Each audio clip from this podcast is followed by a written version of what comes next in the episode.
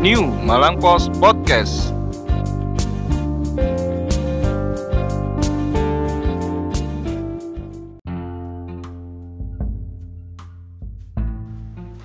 Halo, masih di New Malang Post Podcast. Hari ini bersama saya Firman. Saya sendirian karena nggak ada partner saya, yaitu Mbak Ajeng. Nggak tahu ke mana mereka dia itu. Mungkin lagi cari iklan atau cari cari jodoh. Nggak tahu. Ini sekarang saya lagi ad- eh, mencari apa ya eh, partner baru partnernya cabutan dari wartawan New Malang Post yaitu Mbak Linda. Halo Mbak Linda. Halo semuanya. Uh, kok suaranya lembut ngono ya? Enak ngono ya. Mbak Linda. Iya, Mas eh, Firman. Ini tadi eh, kenalin dulu dong. Kamu di koran New Malang Post ini sebagai apa? Apakah sebagai UB atau sebagai apa tukang gaya kopi? Bukan Iku mang- dong tentunya Mas Firman. Eh, saya di bagian pos komunikasi bisnis, kadang Ah. juga pendidikan gitu. Seperti hari ini saya juga ditugaskan untuk liputan di pos pendidikan. Seperti itu Mas Firman. ada isu menarik apa ini pendidikan ini? Tadi kayaknya eh, per hari ini tanggal 13 Juli ini kan eh, menjadi tahun ajaran baru. Ya Ah. benar. Ah, hari ini hari pertama siswa masuk harusnya. Eh, apa untuk siswa baru semuanya hari ini masuk. Namun karena kondisi kota Malang itu masih zona merah, jadi akhirnya semua pembelajarannya lewat daring. Hanya saja tadi untuk khusus untuk SMA SMA 2 itu tadi ada kegiatan di sekolah. Oh berarti siswanya teko nang sekolah ngono ya? Eh, eh, benar. Tapi itu cuman untuk siswa baru aja. Ah. Itu mereka eh, sembari mengenalkan lingkungan Ospek. sekolahnya, heeh, MPLS namanya sekarang ya Mas Firman. Oh, lawas ya, berarti Iya. aku ya. masa ospek. pengenalan lingkungan sekolah. gitu. Oh, MPLS sekarang Hmm, namanya ya. Jadi Mhm. mereka datang ke sekolah. Datang ke sekolah pertama untuk tes, ikut tes minat bakat. Ya. Minat, peminatan untuk Hmm. jurusan IPA, IPS, mata bahasa Hmm. gitu. Itu eh, apakah apa yang beda dari sekolah biasa kan ya ya wis teko bel masuk pelajaran istirahat mulai apa MPLS ini apakah dia aku pakai pasti wajib masker ya Ya, pasti wajib masker. selain itu apakah ada yang pakai pelindung wajah Eh, ada ada juga yang pakai face shield. Nah, karena ini kondisinya pandemi gitu kan ya.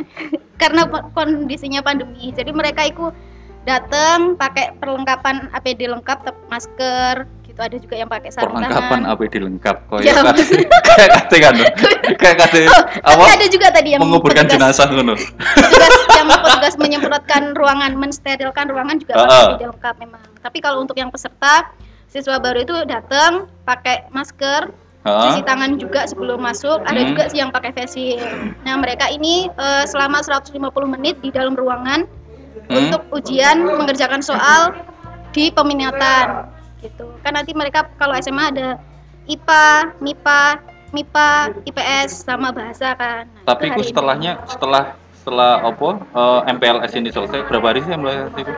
Satu hari dok. enggak masih ada lanjutannya Oh masih ada lanjutannya. Setelah Nah. itu langsung daring. setelah itu langsung daring tapi untuk pembelajarannya masih mulai minggu depan Senin depan gitu. Oh. Kalau untuk hari ini karena memang kita harus jaga jarak ya Mas Firman ya. Jadi mereka untuk hari ini itu cuma 44 siswa yang datang, siswa baru. Terus untuk satu kelas cuma ada 11 orang. Jadi dari Sepi segi banget. jarak hmm, jadi segi jarak jaga jaraknya itu terpenuhi lah. Gitu. Berarti memang sebenarnya anu ya, kayak simulasi ujian nasional. Berarti sa- apa sa kelas sekolah ya? Ya, satu kelas cuma 11. 11 Wah. orang doang. Itu tadi ada beberapa kelas gitu. Sehari cuma 44. Besok cuma 44 juga. Sampai nanti besok itu Senin, Selasa, Rabu, Kamis. Dilanjutkan minggu depan Senin, Selasa, Rabu, Kamis juga Ah. gitu. Ah, tidak enak sekali sekolah sekarang. Sepi soalnya. Iya, sepi banget. ada sing iku gak? Apa iku? Kayak eh memakai kerobong apa ya istilahnya? Oh. Memakai sekat plastik, nggak ada ya? Eh, belum, belum, belum. Tadi sih nggak ada. Jadi eh, kalau memang penerapannya beda-beda ya. Ketika eh, kalau di Jabar itu kan saya ngelihat berita yang lain itu eh, memakai apa? eh, kantong apa istilahnya? Sekat plastik. Sekat plastik di Kayak di- mejanya. Heeh, oh, kayak tadi di wartel. belum, belum. Kayak di wartel loh. Ngerti wartel nggak? Iya, ngerti. Pernah ngerasain? Hah? Belum. Belum. Belum, belum. Wah, berarti Anda masih muda. Emang saya masih muda Mas Firman. Masih 17 tahun gitu. Oh, 17 Tapi beberapa tahun yang lalu. 17 tahun itu tahun biro. beberapa tahun yang lalu lah ya. Single gak? Oh, jangan ditanya ya. Itu, ah, ah, kembali ke eh, apa? Rame ya sekarang ya. Jadi ini kalau teman-teman dengar suaranya itu sekarang kita ada di kalau kemarin yang mendengarkan segmen rumah kita itu eh, kita ada di dapur redaksi. Jadi teman-teman di samping kanan saya ini ada teman-teman wartawan yang ada yang telepon, ada yang ngetik, ada yang apa internetan biasa. Jadi mohon maaf ya kalau sekarang suaranya rame. Kembali ke Mbak Linda ya. Eh, soal penerapan protokol kesehatan di sekolah. Itu nanti ketika Malang itu jadi zona sekarang zona merah. Mm, eh turun menjadi zona oranye, hijau atau kuning atau apalah nanti. Ketika su- sekolah sudah diperbolehkan masuk, itu apakah nanti penerapannya akan sama seperti itu? Hampir sama Mas Firman. Jadi Hmm. eh, nanti ketika memang Kota Malang sudah zona hijau, mereka Hmm. masuk bisa masuk kelas, pembelajaran di kelas, cuman Hmm. tetap mengutamakan protokol kesehatan. Jadi misalkan di dalam satu kelas itu 30 anak, nanti pas ketika new normal itu sudah berlangsung di Malang ini dan siswa sudah diperbolehkan masuk, itu mereka mungkin cuma 15 orang dalam satu kelas gitu. Berarti itu peluang bisnis ya. Loh iya loh. Bisa Saya, jadi. loh, saya ini peluang bisnis kita jualan face shield atau pelindung muka apa, wajah di depan sekolah. Enak. Bisa jadi. Tapi kan nanti takutnya kalau misalkan ada jualan facial di depan sekolah itu kan takutnya nanti malah apa ya? mendorong kerumunan massa kan justru itu yang yang nggak boleh ketika masa pandemi ini. Online, online. Jadi Oh, apa sistem. COD ya? Nah, nah tadi kan eh, jadi nanti sistemnya gini kalau misalkan berdasarkan wawancara tadi ya Mas Firman di Ah. SMA N2, jadi mereka sudah menyiapkan eh, teknis untuk ketika nanti sudah new normal, jadi mereka masuk ke kelas biasa, Hmm. tetap mengutamakan protokol kesehatan, jaga jarak. Sebelum masuk ada cuci tangan, terus kemudian mereka juga wajib mengenakan masker. Di dalam satu kelas cuma kapasitasnya 50% Oke. dari biasanya. Jadi terus kemudian mereka juga nanti eh, mereka nanti juga ini bakalan ada shift-shiftan gitu, Mas. Oke. Heeh. Tapi untuk Kayak kerja lu berarti. ya? Iya, heeh, shift-shiftannya Sekolah rasa sekolah. kerja. Gitu. Oke, terima kasih Mbak Linda. Ini tadi eh, cukup panjang penjelasannya. Jadi kalau misalnya teman-teman eh nawa-nawa New Malang Post Podcast ini mau mendengarkan berita selengkapnya itu bisa dibaca besok tukun korane New Malang Post sing urin mek petang ewu lima Nah, Anda sudah apa? Mbak Linda sudah selesai ngetiknya? Eh, belum, masih berlangsung. Aduh, jam piro iki bosku? Redakture wis ngamuk-ngamuk iki. Iya, bener sekali Mas Firman. Makanya ini jangan lama-lama ya podcastnya, biar saya bisa langsung ngetik, begitu ya teman-teman. Oke, terima kasih Mbak Linda atas penjelasannya soal eh, sekolah di adaptasi apa, kebias apa ya? Adaptasi kebiasaan baru, bukan new normal. Oke, siap. Sama-sama Mas Firman. Eh, ya, sama-sama. Silakan kembali. oh iya, pergi baik. sana Anda.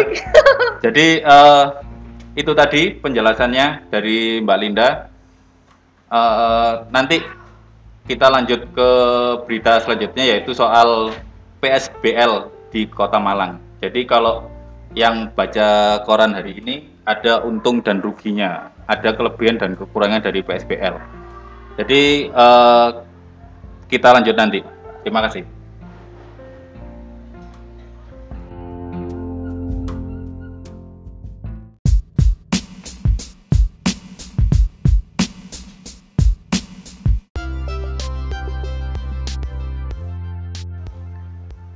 Oke, masih di New Malang Post Podcast. Ini suara apa di belakang saya? Malakos favorit Anda Tenang, suaranya kecil. Oke, eh, kalau sudah ada Mbak Siska berarti ini membahas yang berat-berat di kota Malang. Seberat siapa? Nah, itu suara apa lagi? tempat eh Oke, iki apa? Podcast untuk yang segmen segmen kedua ini berudukan. Jadi ada beberapa teman yang memaksa untuk Mas suaranya masuk podcast sebenarnya. Jadi Memaksa, Bu. iyalah. Kan kabeh njaluk mlebu podcast kan? Kayak fotografer siji kreteng yo. aduh kasihan Mbok sapa iku jenenge? Nah, iku. Iku apa ngwayel njaluk podcast tapi gak tak olehi. oke Wong saya Lanjut. penguasa podcast. podcast ini. Oke, kalau eh, ke topik ya. Kalau teman-teman baca koran hari ini membahas untung dan ruginya PSBL. Jadi eh, di Kota Malang, eh di Malang Raya ini sudah ada beberapa wilayah yang menerapkan PSBL atau kekarantina wilayah atau namanya pembatasan sosial secara mandiri itu kalau yang di Singosari sama Lawang. Jadi ini sudah ada Mbak Ira, Hai. wartawan Kabupaten Malang dan juga yang suaranya agak lirih tadi itu Mbak Siska, hai Sedikit mendesah. wartawan wartawan kota. halo Jadi eh, Mbak Ira dulu ya. Siap. Mbak Ir, Ya. eh, PS PSSM pembatasan sosial secara mandiri di Singosari dan Lawang. Iku eh, mulai kapan itu pemberlakuannya? Sudah selesai ya? Sudah selesai. Siap Mas Firman, terima kasih. Eh saya perlu perbaiki perbaiki eh apa namanya? PSSM itu pengetatan sosial secara mandiri, bukan Oh, Bukan Bukan pembatasan sosial. Ya, Maaf salah. siap. Eh berbeda dengan PSBL. PSB, Ah. K- PSBL itu pembatasan sosial eh, Berskala berskala lokal. ma- berskala lokal. Ya. seperti yang di, disampaikan oleh Bapak Bupati ataupun Pak PJ Sekda waktu lalu bahwa Hmm. antara PSBL dan uh, PSSM ini berbeda. Hmm. Pertama berbeda aturan, Hmm. uh, meskipun acuannya sama, sama-sama mengacu pada uh, kalau kalau di Kota Malang mungkin perwal, perwal kalau di Kabupaten Malang Perbub. Sementara PSBL pemberlaku, penerapan atau pemberlakuan PSBL itu seperti yang disampaikan Bapak Bupati Hmm. uh, Pak Sanusi waktu itu uh, penerapannya harus sesuai izin gubernur. Nah, Oh kalau PSSM ini kalau PSSM langsung. itu langsung karena tidak ada karena PSBL itu kaitannya dengan lo- lockdown lokal di mana Ya. satu wilayah itu harus ditutup total. Sementara Hmm. PSSM itu hanya pengetatan saja. Ah, terus ah, ada dua di di kabu- wilayah Kabupaten Malang yang diterapkan PSSM waktu itu. Ah, Uh, PSSM diterapkan pada tanggal 15 Juni sampai dengan 28 Juni, 14 hari. ya. Heeh. Uh, apa namanya? Ada dua wilayah, yaitu Malang Utara, uh, wilayah Singos, Kecamatan Singosari dan wilayah Kecamatan Lawang, di mana dua wilayah ini memiliki uh, memiliki kasus COVID yang cukup uh, cukup parah waktu itu, di mana saat sebelum PSSM itu diberlakukan kasus Hmm. COVID yang ada di uh, dua wilayah ini berkisar pada angka 55 dan Uh. angka 35 55 itu wilayah ya? Singosari, wilayah Lawang itu 35 Hmm. seperti itu. Eh, dua wilayah ini penerapannya pun berbeda. Di wilayah Singosari itu membuat satu alur, satu Hmm, jalan, eh ya. satu jalur. Sementara di Lawang itu los mereka, tapi hanya memiliki eh, apa namanya Apa? Pos. pos Pos jaga. pos jaga pos jaga pos jaga Ya. pos jaga aja ya di mana orang keluar masuk eh, dilakukan pemeriksaan baik itu suhu tubuh ya protokol kesehatan lah penggunaan Hmm. masker dan segala macam begitu Pak Firman Jadi eh, memang ada kelebihannya ya ketika PSS PSSM M. itu diberlakukan Mm-mm. angka penularan COVID itu turun. ya. Ah, gini Mas Firman Ya ya ya ya apa. Kalau kalau berbicara kasus COVID ini agak rumit memang. Uh, Hmm, Pancen- agak rumit. Karena ka- kasus kasus COVID, eh, virus COVID ini sendiri tidak terlihat Nah, tapi kalau dan kalau melihat eh, apa ya eh, penilaian apa apa itu? penilaian evaluasi Mm-mm. nah evaluasinya dari PSSM tersebut itu apa eh seperti yang diberitakan hari ini Hmm? Pak, di New Malang Post tanggal 12 Juni eh 12 Ju, eh, 12 Juli 12 Juli Eh, dua- 13. 13 Juli 2020 bahwa ya harap maklum lah kita kadang di lapangan lupa tanggal dan Eh. hari apanya Heeh. langsung eh PS, eh, penerapan PSSM itu tidak tidak memberikan hasil yang signifikan artinya Hmm.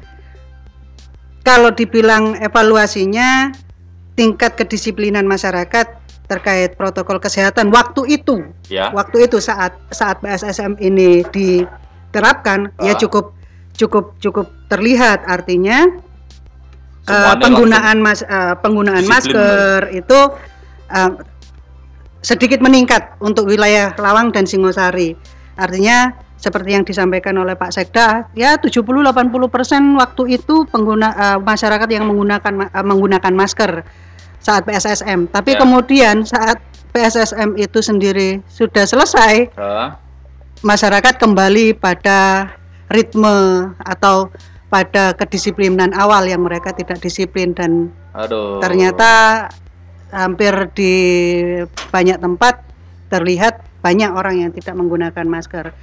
Nah, untuk tingkat keberhasilan, tingkat keberhasilan apakah PSSM ini mampu menekan angka Covid? Ternyata tidak sama sekali. Hah? Tidak sama sekali karena Itu di tambah- dua berarti tambah banyak betul, yang tertular betul. COVID Nggih. Eh, eh, pada akhir pada akhir pada pada akhir PSSM itu sendiri digelar Hmm? angka Covid eh, angka kasus Covid di Kecamatan Lawang dan Kecamatan Singosari cukup tinggi. Oke. Bertambahnya Aduh, kalau- berarti eh, memang tingkat disiplinnya ketika PSSM itu berakhir ya disiplin ya buyar pisan berarti ya. eh ya bisa jadi seperti itu. Artinya fakta di lapangan menunjukkan bahwa masih minimnya efek jerah masyarakat terhadap eh, sanksi sanksi-sanksi sosial yang sudah diberlakukan. Bahwa sanksi sosial menj- eh, memberikan sanksi menj- mereka kepada yang melanggar itu bekerja sosial pun tidak cukup efektif Hmm. dan itu terbukti untuk untuk kemarin eh, per tanggal 12 Juli Hmm?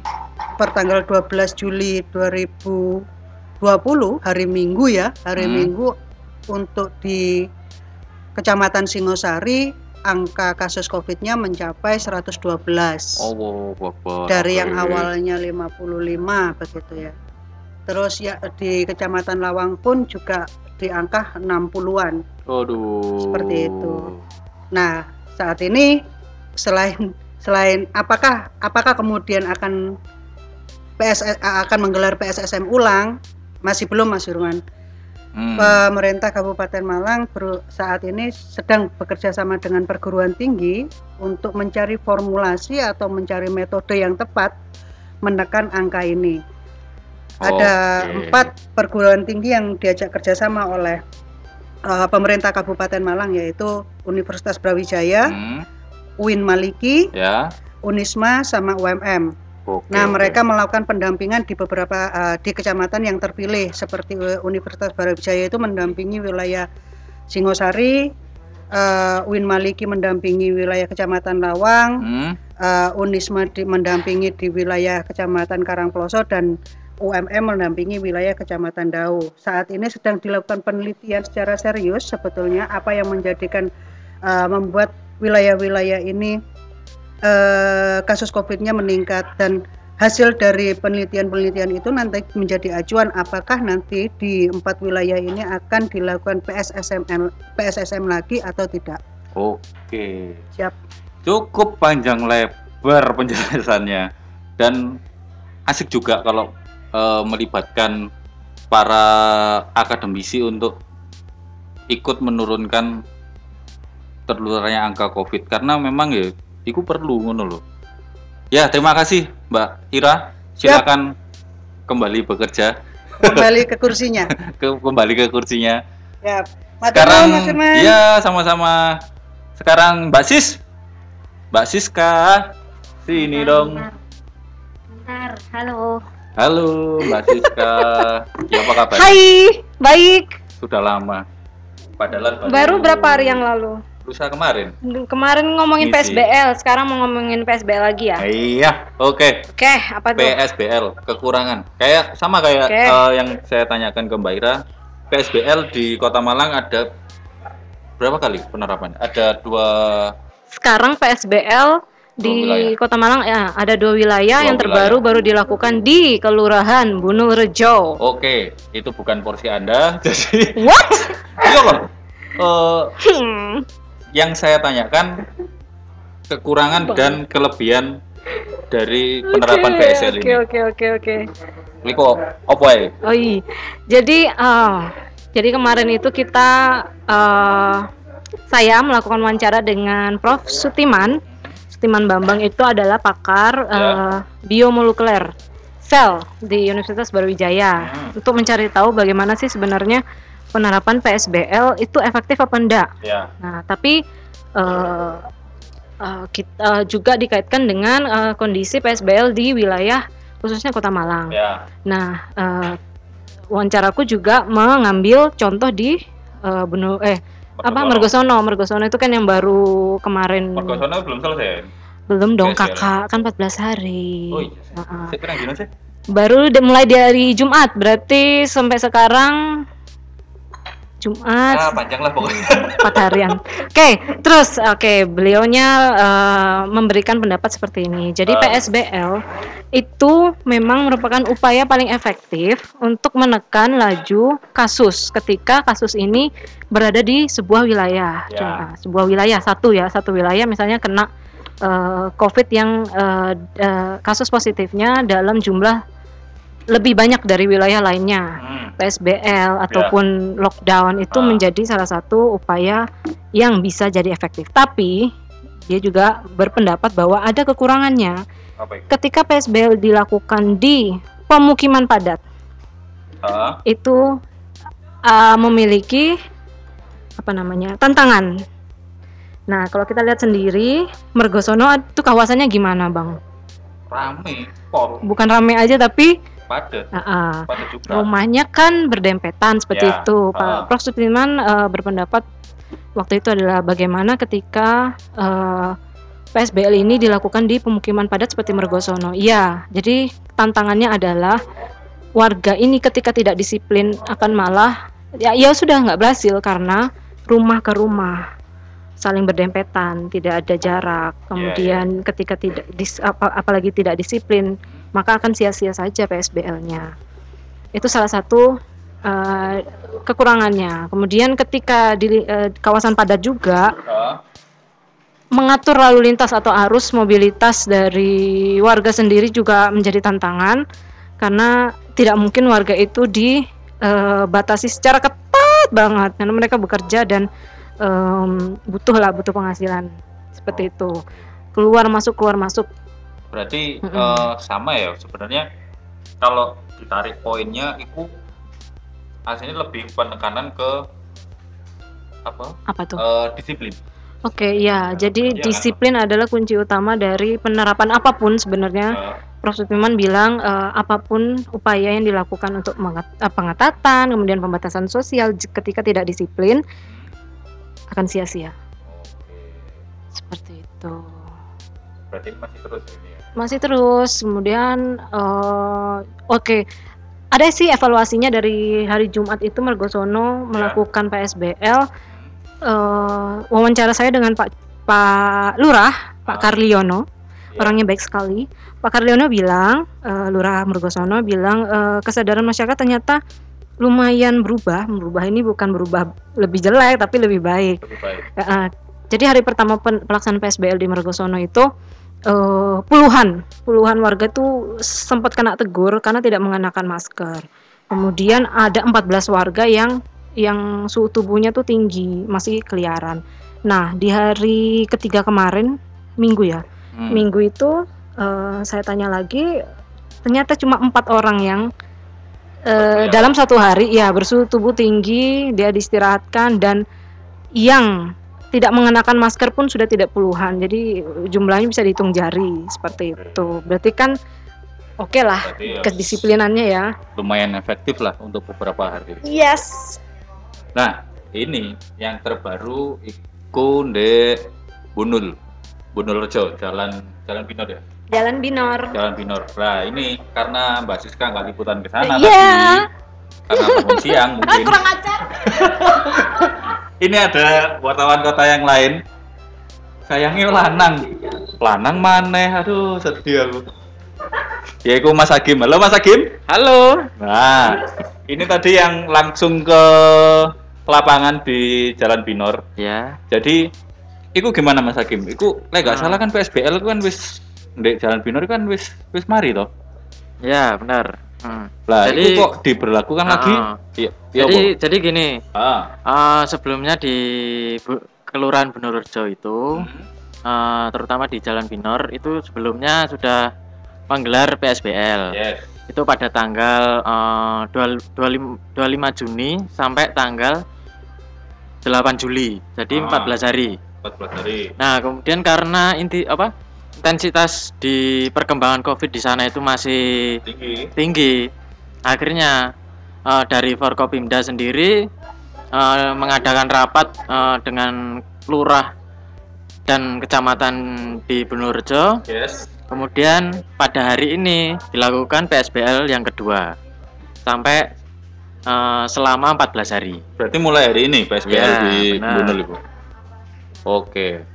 Jadi memang eh, di sana eh, tingkat penularannya masih tinggi juga ya? Masih tinggi. Ada berapa orang yang Nah, Kalau yang, yang terkena itu? tercatat itu di Satgas Covid eh, di Kota Malang itu di Bunulrejo itu ada 33, lumayan banget. 33 dan meninggal itu ada dua dua orang, Oh. yang sembuh ada 11 orang. Ya. Nah, sisanya 16 orang itu isolasi mandiri.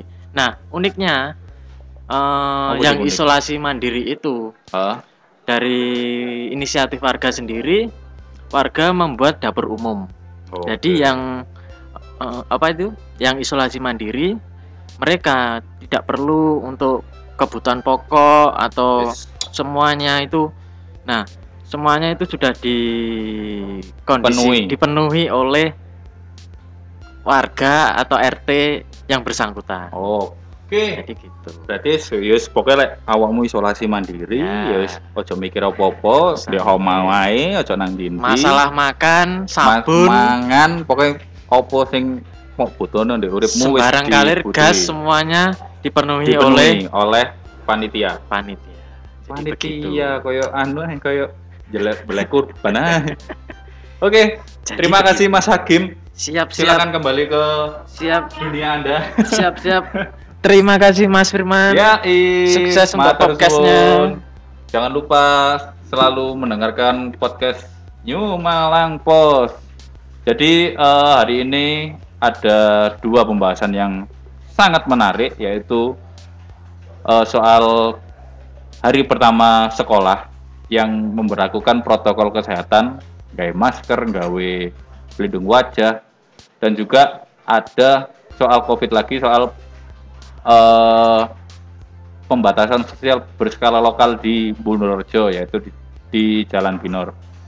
Eh, oke Nawak, terima kasih dan jangan lupa untuk selalu update berita-berita kalian di newmalangpost.id. Tadi lek misalnya awakmu lali mau koran dino iki apa sing wingi-wingi iso ndelok ndek website newmalangpost.id. Dan ojo lali followon Instagrame New Malang Post Dek at New Malang Post. Yo mek ngono ya? Ya oke. Terima kasih. Nuwusker sudah mendengarkan. Assalamualaikum warahmatullahi wabarakatuh. Silakan sholat maghrib hari ini